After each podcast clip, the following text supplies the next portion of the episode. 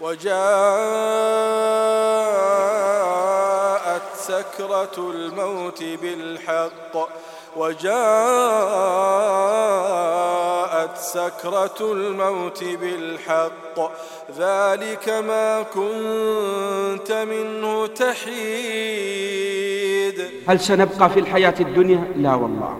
لا والله لا بقاء لنا أبدا. وصدق رسولنا صلى الله عليه وسلم لما قال الكيس من دان نفسه وعمل لما بعد الموت. ووالله هناك حقائق حول الموت تحتاج إلى أن تعرض إلى الناس حتى يقف معها وقفة التأمل ويعلم ما هم قادمون إليه. الكيس من دان نفسه وعمل لما بعد الموت.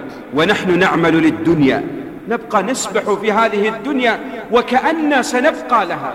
تأتي إلى الإنسان وعمره تسعين أو ثمانين أو مئة سنة ثم تقول له يمكن أن تموت بعد عشر سنوات ضاقت عليه الأرض بما رحبت ولم يسلم عليك بعد. وربما أكفانه تنسج الآن ولكن لا بد من الرحيل.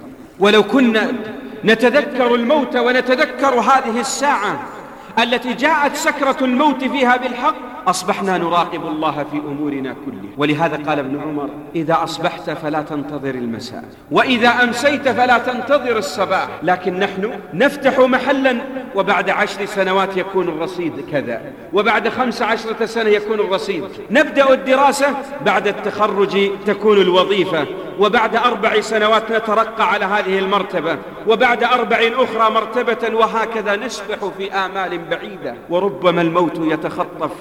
ولم تتحقق لنا من الأماني شيء. الله أكبر. لحال أقوام أعدوا للقاء الله. فإذا أعددت للقاء الله تعالى أعمالا صالحة فإذا جاءت سكرة الموت أحببت لقاء الله فالله يحب لقاءك. إذا جاءت سكرة الموت وعندك رصيد من الصالحات والطيبات فإنك تحب لقاء الله وأسأل الله أن يجعلنا وإياكم من هؤلاء.